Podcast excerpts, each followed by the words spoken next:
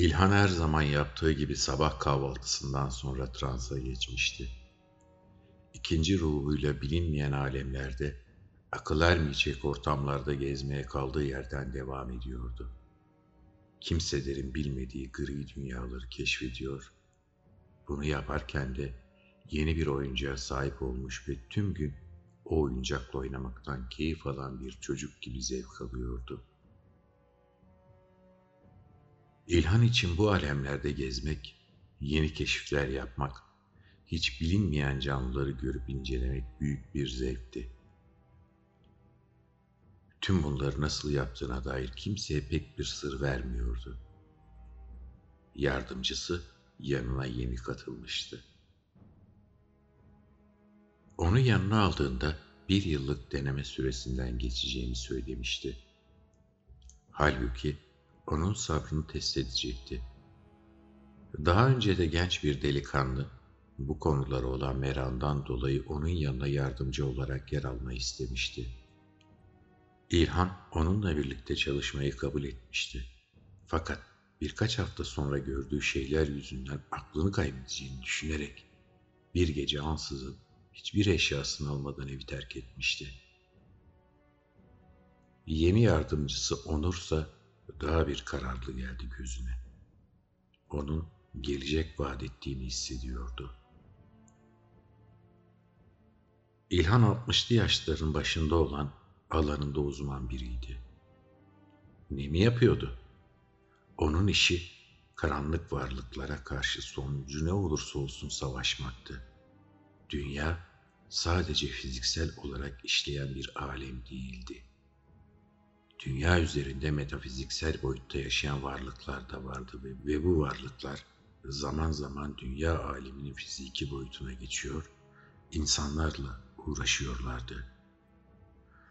Görünmedikleri için de bunu hem çıkar sağlamak amacıyla hem de onlarla eğlenmek maksadıyla yapıyorlardı. Fakat bu Müslüman olmayan kafir varlıklar zaman zaman daha da ileri gidip karşı cinsten olan insanlara aşık oluyorlar ve onları sıkıntıya sokuyorlardı. Yani deyim yerindeyse musallat oluyorlardı. Bu varlıkların insanlarla olan ilişkileri insanların ilk zamanlarından beri devam ediyordu. İnsan gözü onları görebilecek şekilde yaratılmamıştı. Gözlerinde perde vardı. Eğer o perde olmasaydı, bu karanlık alemde herhangi bir insanın aklını kaybetmemesi için bir sebep yoktu. Her toplulukta kötülüğe hizmet eden varlıklar olduğu gibi, cinler ve insanlar arasında da kötü niyetli insanların ve cinlerin var olması kaçınılmazdı. Kıskançlık ve vesvese silahı bu karanlık varlıklar tarafından çok iyi kullanılıyordu. Ve çoğu zaman bu varlıkları etkisi altına alanlarsa insanların ta kendileriydi. Yani bunu büyü yaparak elde ediyorlardı.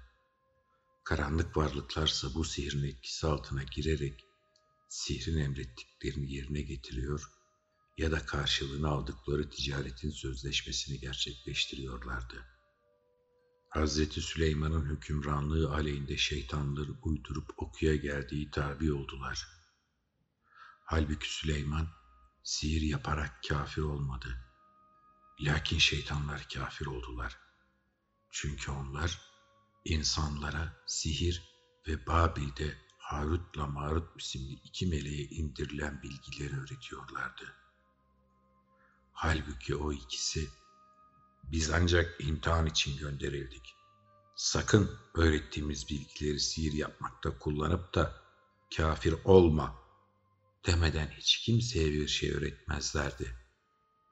İşte bunlardan kişiyle hanımının arasına ayıracak şeyleri öğretiyorlardı. Fakat onlar bununla Allah'ın izni olmadan hiç kimseye zarar verecek değillerdi. Kendilerine faydalı olanı değil de zarar veren şeyi öğreniyorlardı. Şanıma yeminler olsun ki onlar sihri satın alanlar, Allah'ın kitabını bırakıp sihirle meşgul olanların ahiretten nasibi olmadığını çok iyi bilirler. kendilerini feda ederek karşılığında satın aldıkları şey ne kötüdür. Keşke bilselerdi. Bakara 102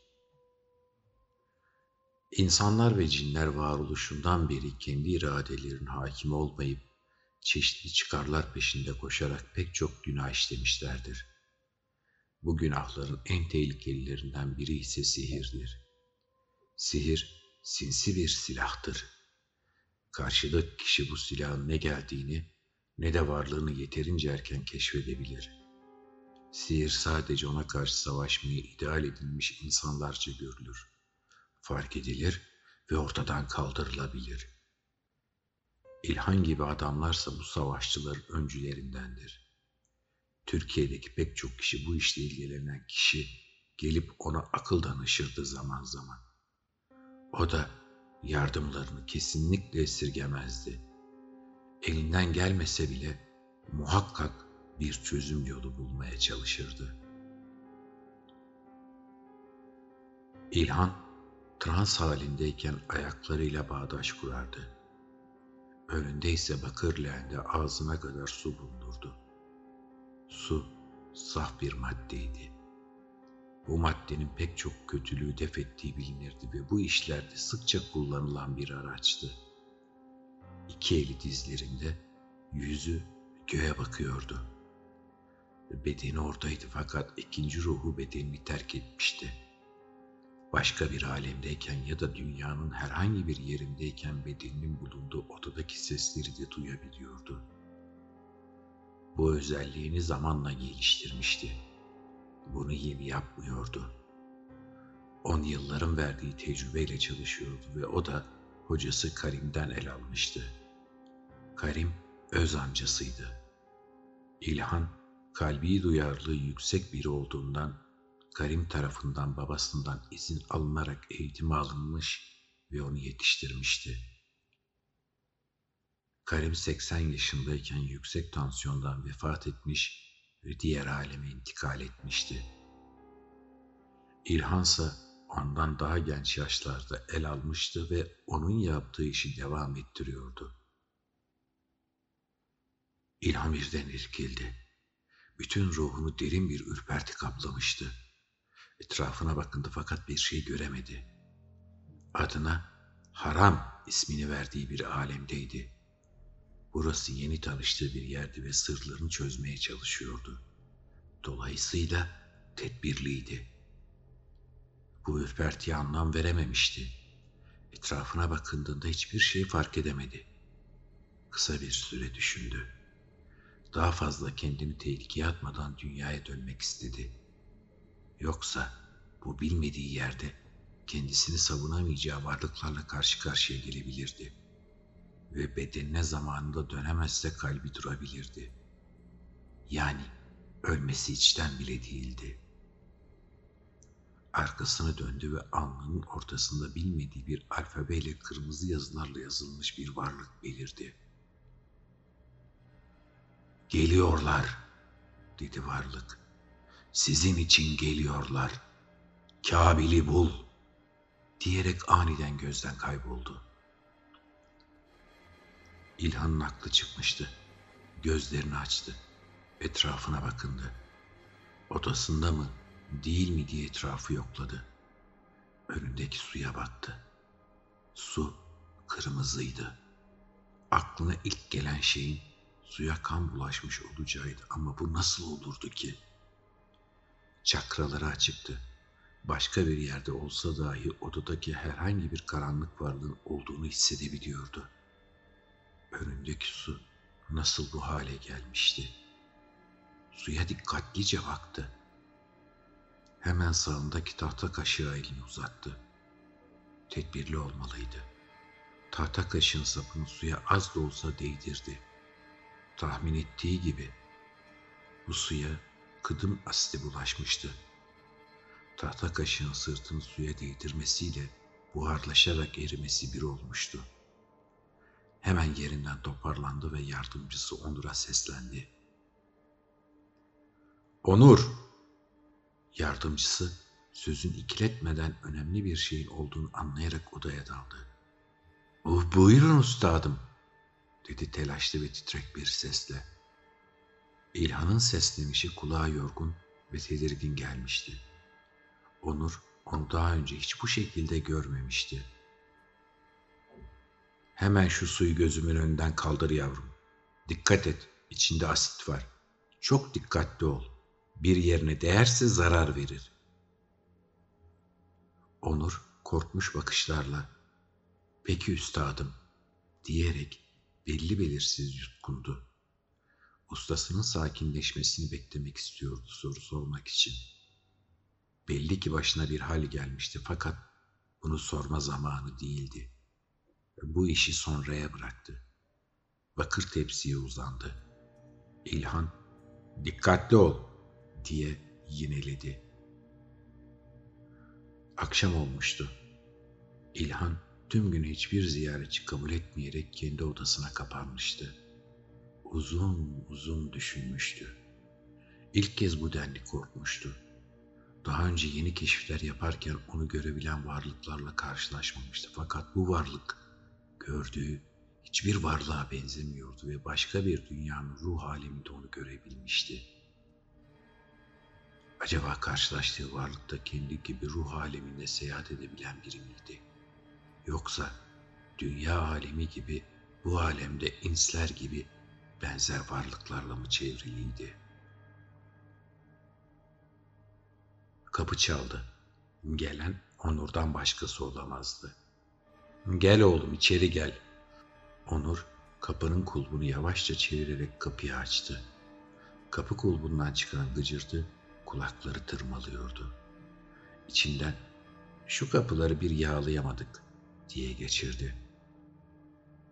Efendim bir arzunuz var mı diye sormaya geldim. Yok Onur gidebilirsin. Onur üstadının bugün yaşadığı halden dolayı yüzünün sarardığını görmüş, neler olduğu hakkında içini derin bir merak kaplamıştı. Bu merak gidermeliydi fakat karşısında soru sormaktan bile çekindiği üstadı vardı. Belki biraz daha cesaretli olmalıyım diye düşündü. Efendim beni bağışlayın. Belki haddime değil ama bugün yani sabah olan halinizi çok merak ettim ve tabii ki o suyu. İlhan derin bir iç geçirdi.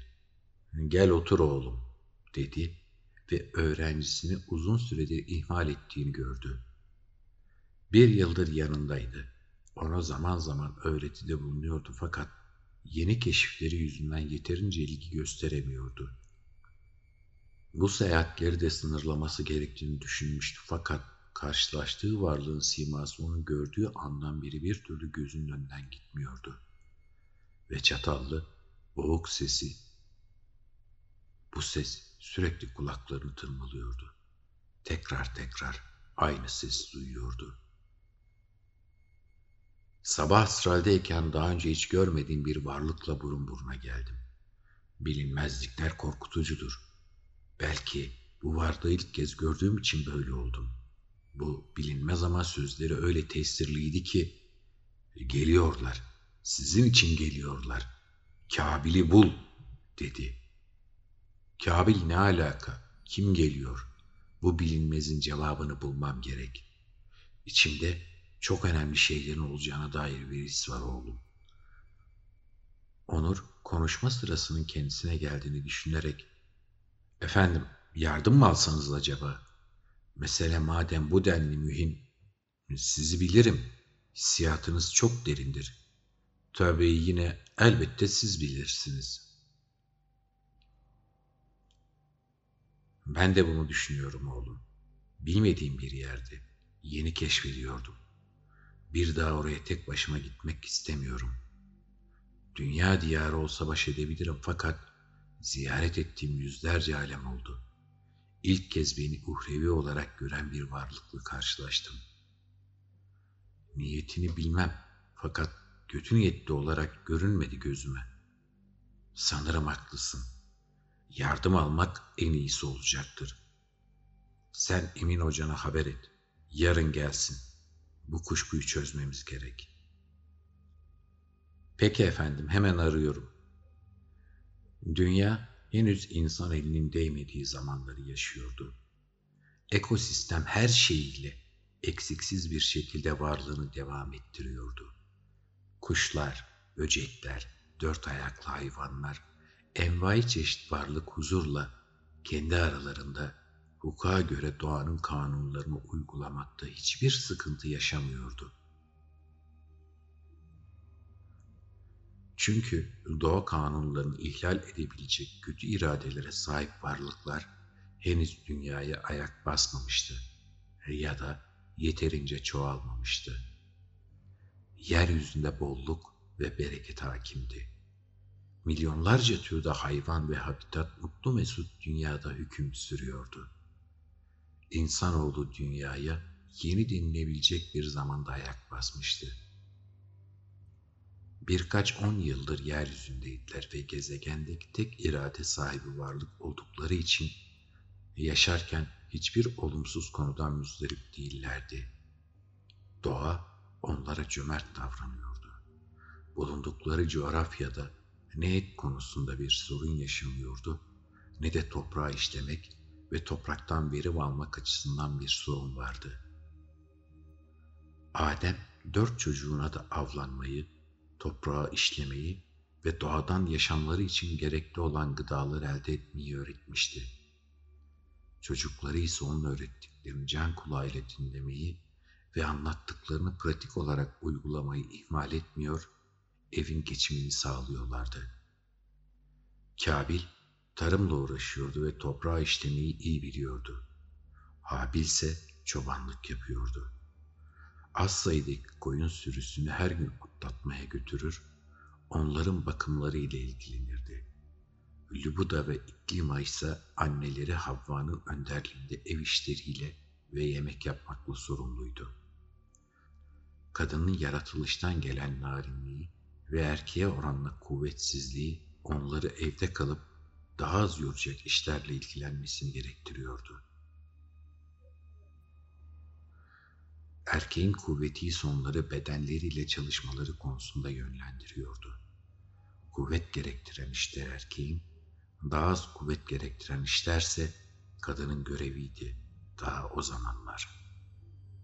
Kabil babasını can kulağıyla dinliyor, onun anlattıklarını ise uygulamaya çalışıyordu fakat bunu yaparken hırsına zaman zaman yenik düşüyordu. Dolayısıyla bu hırsı bazen boş yere ona öfkelendiriyordu. İçerisinde taşıdığı insan doğasına uyumlu fakat hoş görülmeyen bu duygular onu yavaş yavaş gittiği yoldan çıkarıyordu.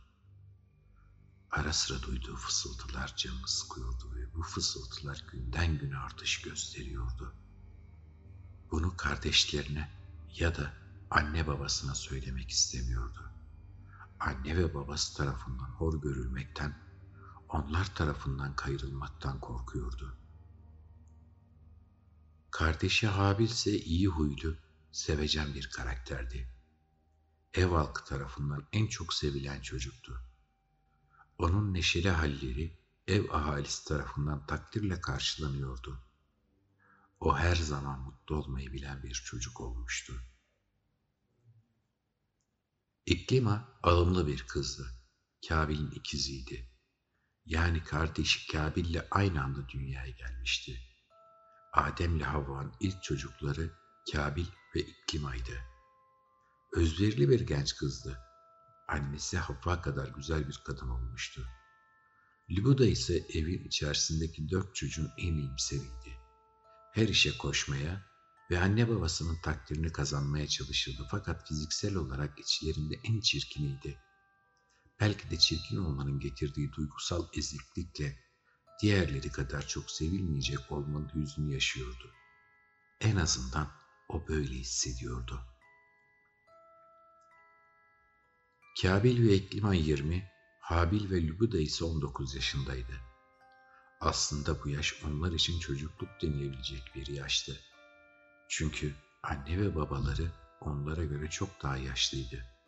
Fakat fiziksel olarak henüz daha çok genç görünüyorlardı. Hadi çocuklar sizi bekliyoruz. Neden hazırlanmadınız? Hadi Kabil. Adem evin önünde çocuklarına seslenirken diğer yanda 50 adım uzağında tarlasına göz gezdiren Kabil'e sesleniyordu.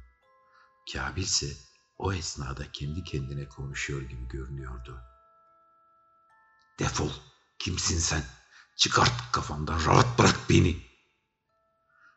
Bunları söylerken babası Adem'in yanına yavaşça yürümeye başlamıştı. Onun yanına kavuştuğunda ise babası, ''Kiminle konuşuyorsun oğlum sen?'' dedi. ''Kimseyle konuşmuyorum baba. Bu yıl kıvırcıklar tomurcuk vermedi. Sadece ona söyleniyordum.'' Demek de yetindi. Adem söylediklerini normal karşılayarak lafı pek uzatmak istemedi. Hadi Havva gidiyoruz.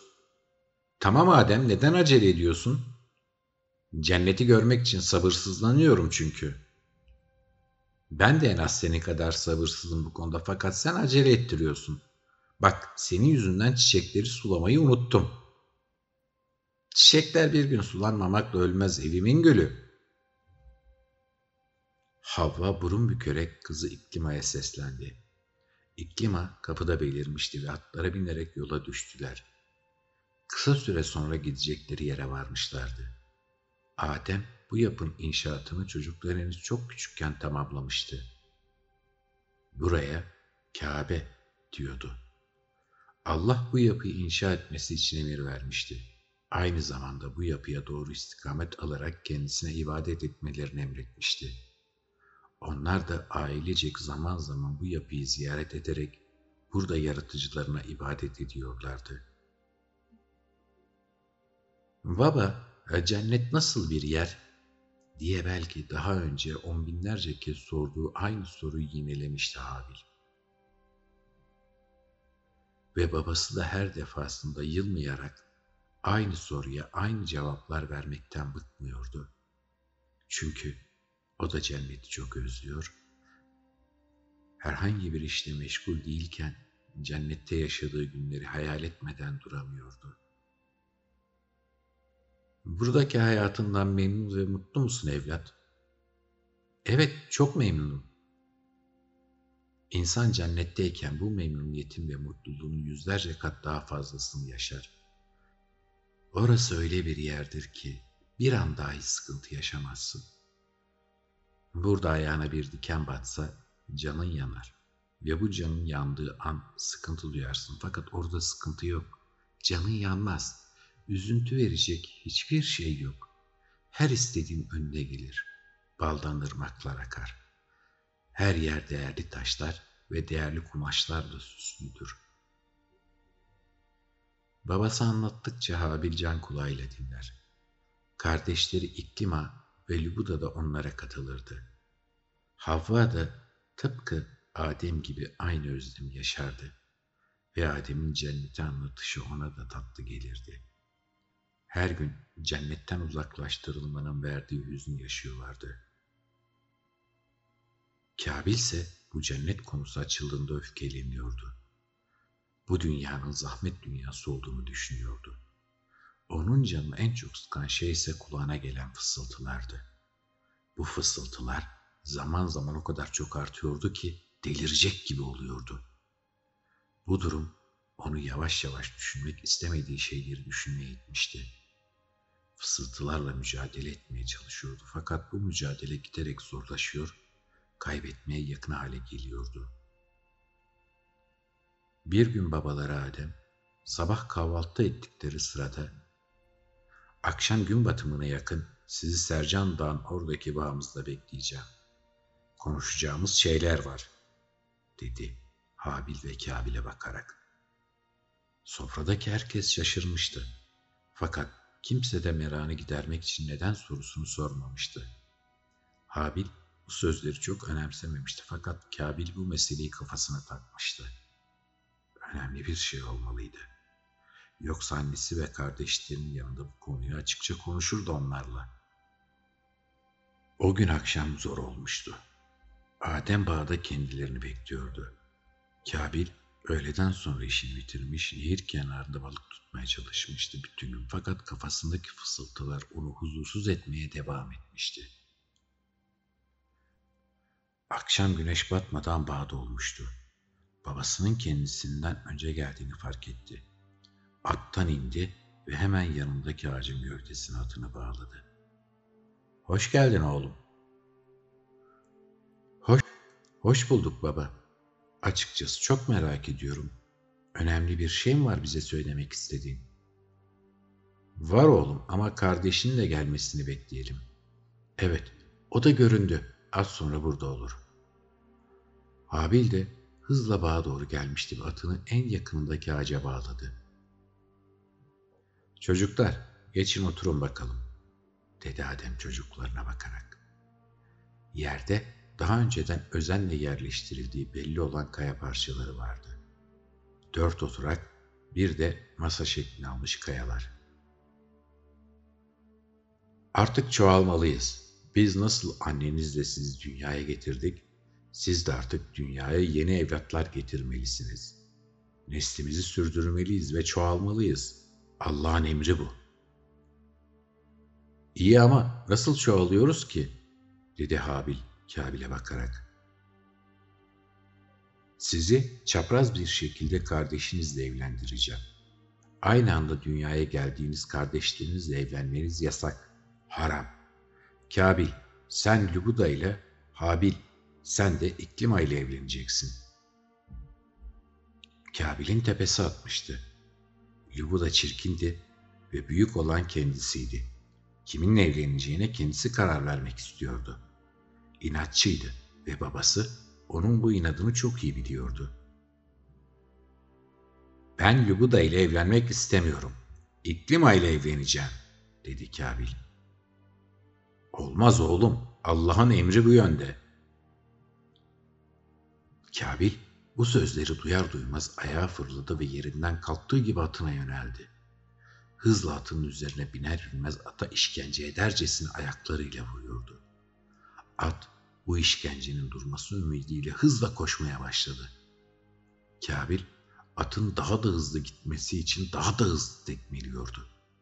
Aynı zamanda yelelerinden de sıkıca kavramıştı ve boynuna doğru sağlam bir tokat patlattı. İklima ile sen evlenmelisin. Sırf kardeşin senden daha iyi diye baban onu daha güzel olan İklima ile evlendirmek istiyor. Kulağına fısıldayan sesler yerini tek sese bırakmıştı. Üstelik bu sesi çok net bir şekilde duymuştu. Sen kimsin? Niye beni rahat bırakmıyorsun? Ben senin dostunum. Senin iyiliğini istiyorum sadece. Defol. Senin dostluğunu istemiyorum. Çık artık kafamdan. Seni lanet varlık.''